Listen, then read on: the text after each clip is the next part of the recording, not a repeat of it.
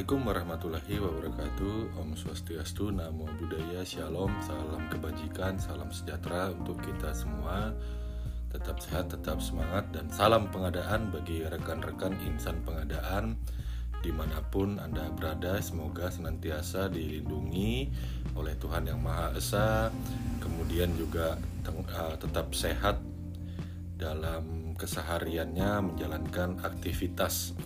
Baik, pada podcast kali ini kita akan membahas tentang pemberian uang muka pada kontrak pengadaan barang jasa melalui penyedia. Bapak Ibu yang saya hormati, terkait dengan pemberian uang muka telah diatur ketentuannya di Peraturan Presiden Nomor 16 Tahun 2018 tentang pengadaan barang jasa pemerintah yang terakhir kali diubah pada saat podcast ini dibuat masih berlaku peraturan presiden nomor 12 tahun 2021.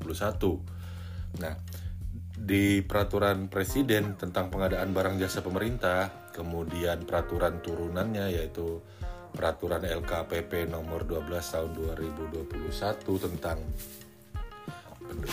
pengadaan barang jasa melalui penyedia, pelaksanaan pengadaan barang jasa melalui penyedia ini diatur tentang persentase uang muka yang dapat diberikan. Kita akan bahas terlebih dahulu besaran persentase uang muka yang ada yang berlaku di era berlakunya peraturan-peraturan yang sudah saya sebutkan tadi.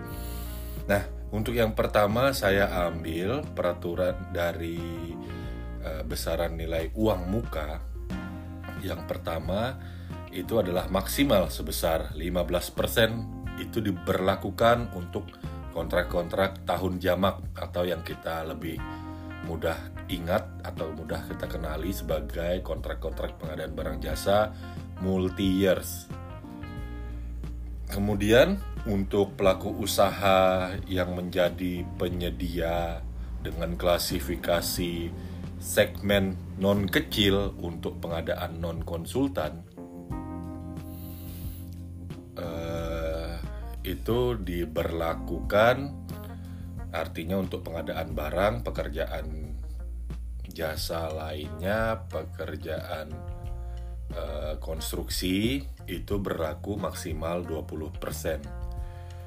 Nah, sedangkan untuk jasa konsultan e, bagi biar karena memang tidak dikenal adanya segmentasi e, kecil non kecil di jasa konsultan pemaketan tidak melihat hal ini uh, tidak memperhatikan segmentasi maka keseluruhan jasa konsultan dapat diberikan uang muka maksimal 20%. Bagaimana dengan usaha-usaha yang masuk dalam kategori usaha mikro, usaha kecil, serta koperasi? Nah, ini terbagi menjadi tiga klaster ya Bapak Ibu sekalian untuk yang nilainya di atas 2,5 miliar sampai dengan 15 miliar berlaku uang muka maksimal 30%. Kemudian untuk besaran uang muka yang dapat diberikan pada paket-paket dengan nilai sek nilai sebesar di atas 200 juta sampai dengan 2,5 miliar itu dapat diberikan uang muka minimal 30%. Jadi ada perbedaan tadi ya untuk usaha kecil, ada yang maksimal 30% itu di atas 2,5 miliar sampai dengan 15 miliar. Kalau yang di antara di atas 200 juta sampai dengan 2,5 miliar berlaku minimal 30 persen. Bapak Ibu yang saya hormati, bagaimana untuk yang di bawah 200 juta? Nah, ini range-nya ya, itu antara di atas 50 juta sampai dengan 200 juta berlaku pemberian ketentuan pemberian uang mukanya adalah minimal 50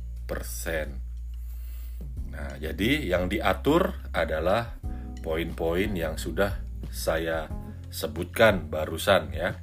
ada pembagian-pembagian seperti hal tersebut. Nah, Bapak yang Ibu, Bapak Ibu yang saya hormati, apa sih makna filosofis kok diberikan uang muka begitu? Men kita kembali ke siapa yang berhak menetapkan besaran uang muka gitu. Nah, ini adalah tugasnya pejabat pembuat komitmen di mana di pasal 11 ayat 1 huruf um, F kalau saya tidak keliru huruf F bahwa disebutkan menetapkan besaran uang muka yang akan dibayarkan kepada penyedia ini adalah tugasnya pejabat pembuat komitmen.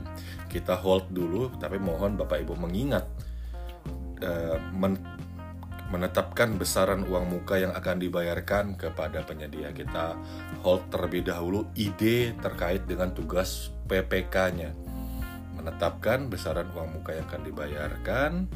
Kita pelajing uh, eh, selami lebih dalam lagi ya di pasal 29 Perpres Pengadaan Barang Jasa Pemerintah di ayat 1 ketentuannya adalah sebagai berikut pasal 29 ayat 1 menyebutkan uang muka dapat diberikan untuk persiapan pelaksanaan pekerjaan. Perhatikan Bapak Ibu, kata kuncinya adalah dapat diberikan untuk persiapan pelaksanaan pekerjaan. Nah, dapat ini tadi bergradasi Bapak Ibu.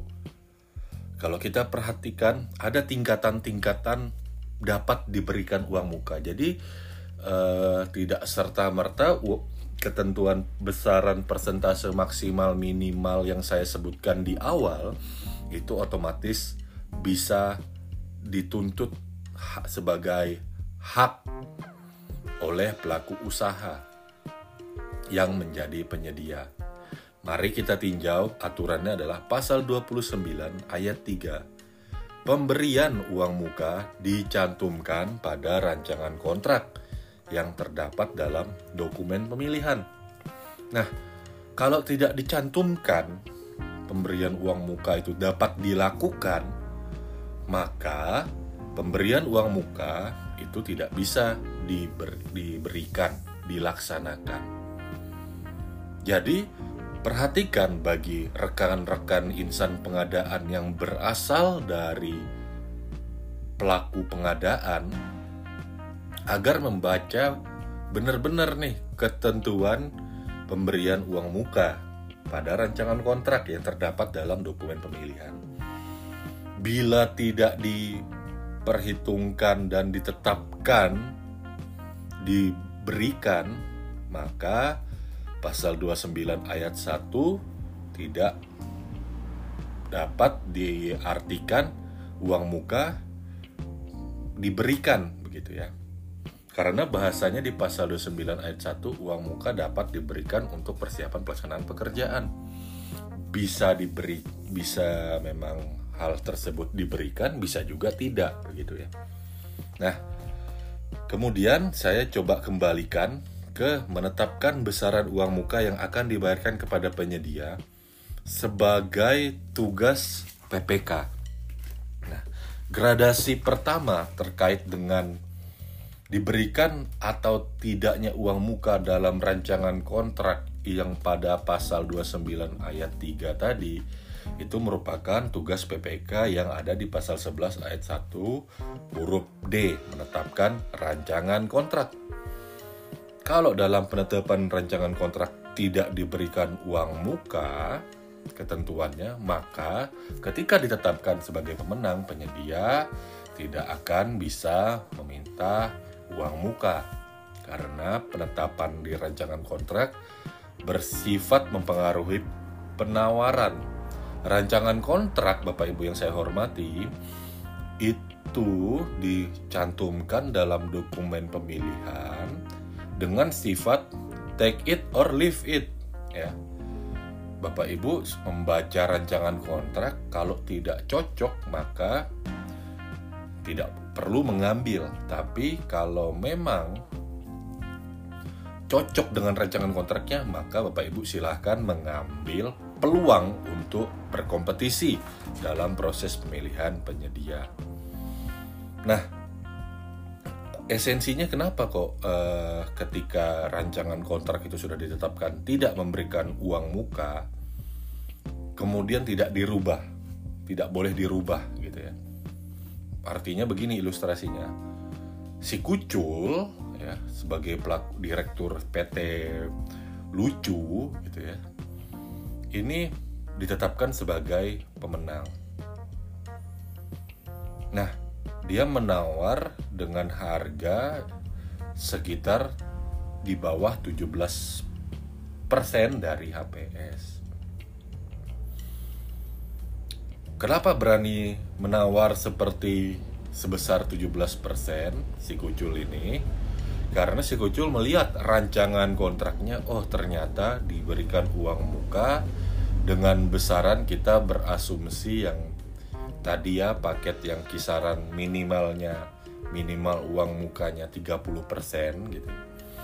Maka si Kucul melihat, oh ini di rancangan kontraknya PPK-nya menetapkan uang muka yang dapat diberikan itu adalah 40% berdasarkan Perlem 12 tahun 2021. Nah, artinya di sini si Kucul langsung berpikir, oh saya modal modal kerja saya saya tidak perlu cari pinjaman di bank atau uh, instrumen peminjam pinjaman-pinjaman lainnya. Kena, uh, jadi dia bisa menekan kos yang lebih murah sehingga bisa menawar 17%. Lain ceritanya ketika rancangan kontrak tidak menyebutkan diberikan uh, tidak diberikan uang muka gitu ya Artinya yang menyebutkan di, yang disebutkan di sini tidak diberikan uang muka. Nah, ketika seperti ini si kucul akan berhitung begitu. Wah, kalau saya pinjam uang di bank, ini bunganya sekitar anggap saja ya saya saya nggak tahu suku bunga yang berlaku sekarang, tapi anggap saja pinjaman itu berlaku sekitar 4% per tahun.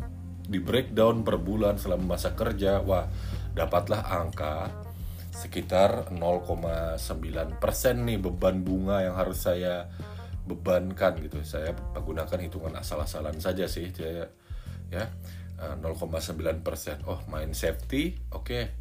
beban bunganya dibuat 1,5 persen dan itu akan dimasukkan dalam penawaran begitu.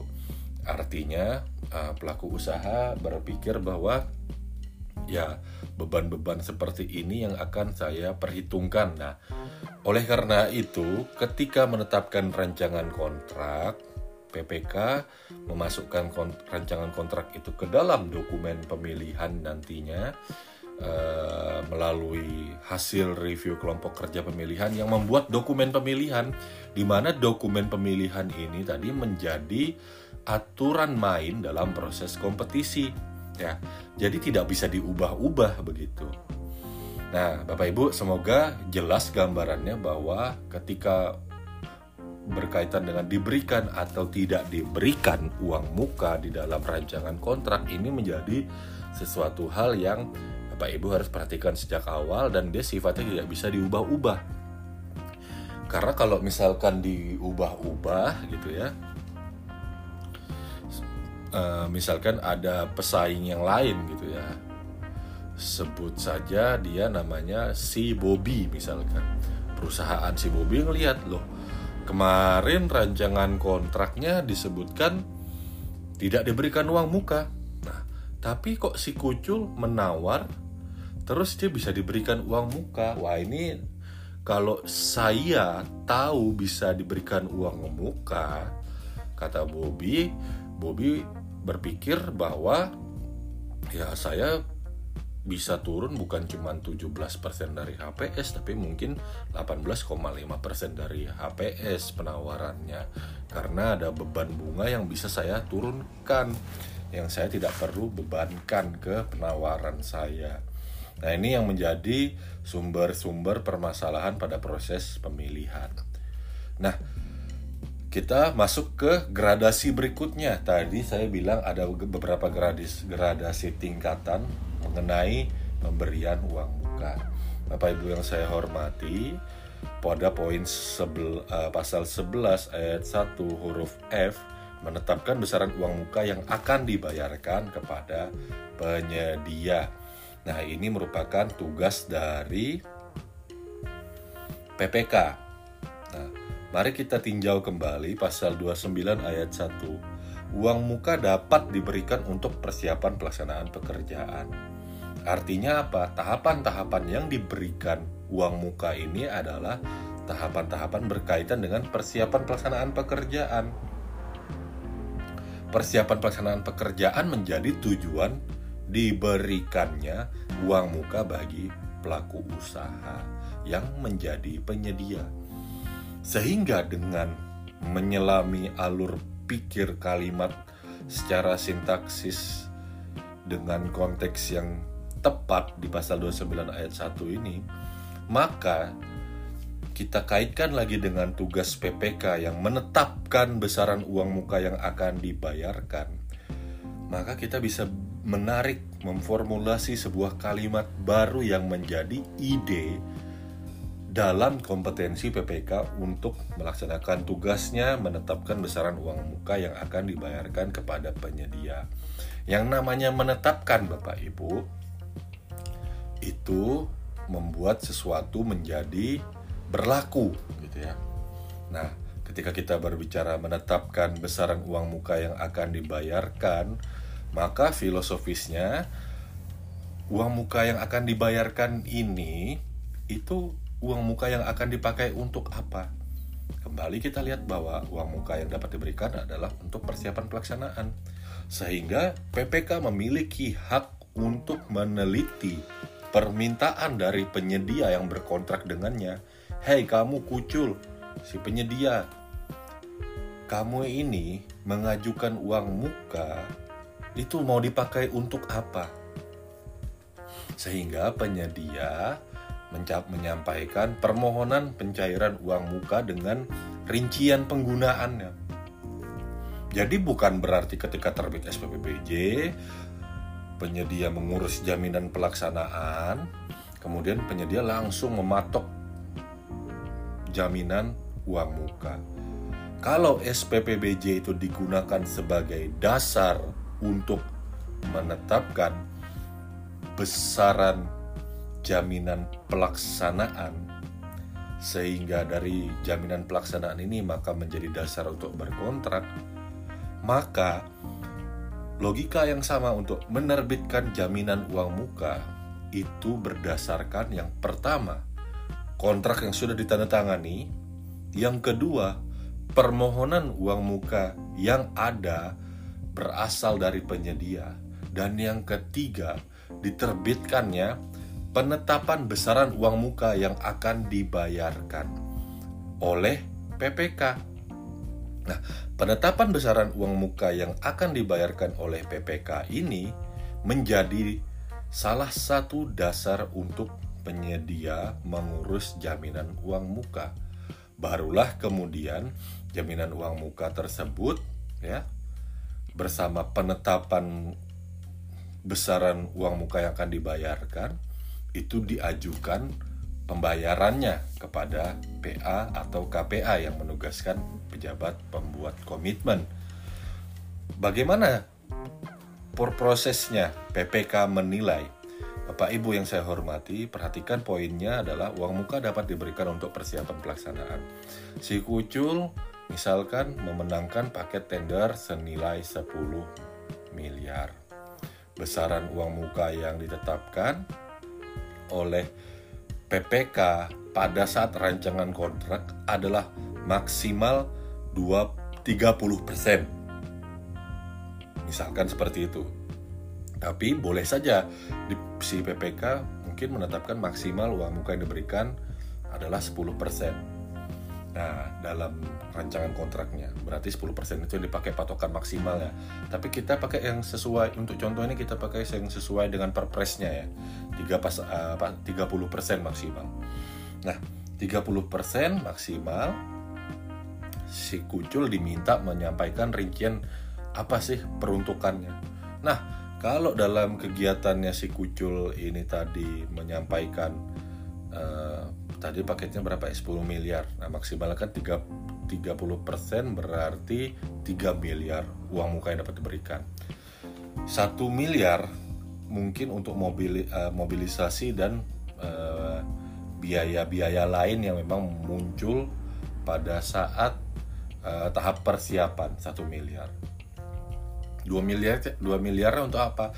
Dua miliarnya karena mertuanya Kucul pengen naik mobil Tesla, jadi Kucul membelikan mobil Tesla, mobil elektrik untuk uh, mertuanya dengan menggunakan uang muka yang di yang akan rencananya dibayarkan oleh PPK. Nah, PPK jelas harus bisa melihat di sini loh apa hubungannya uh, dengan persiapan pelaksanaan.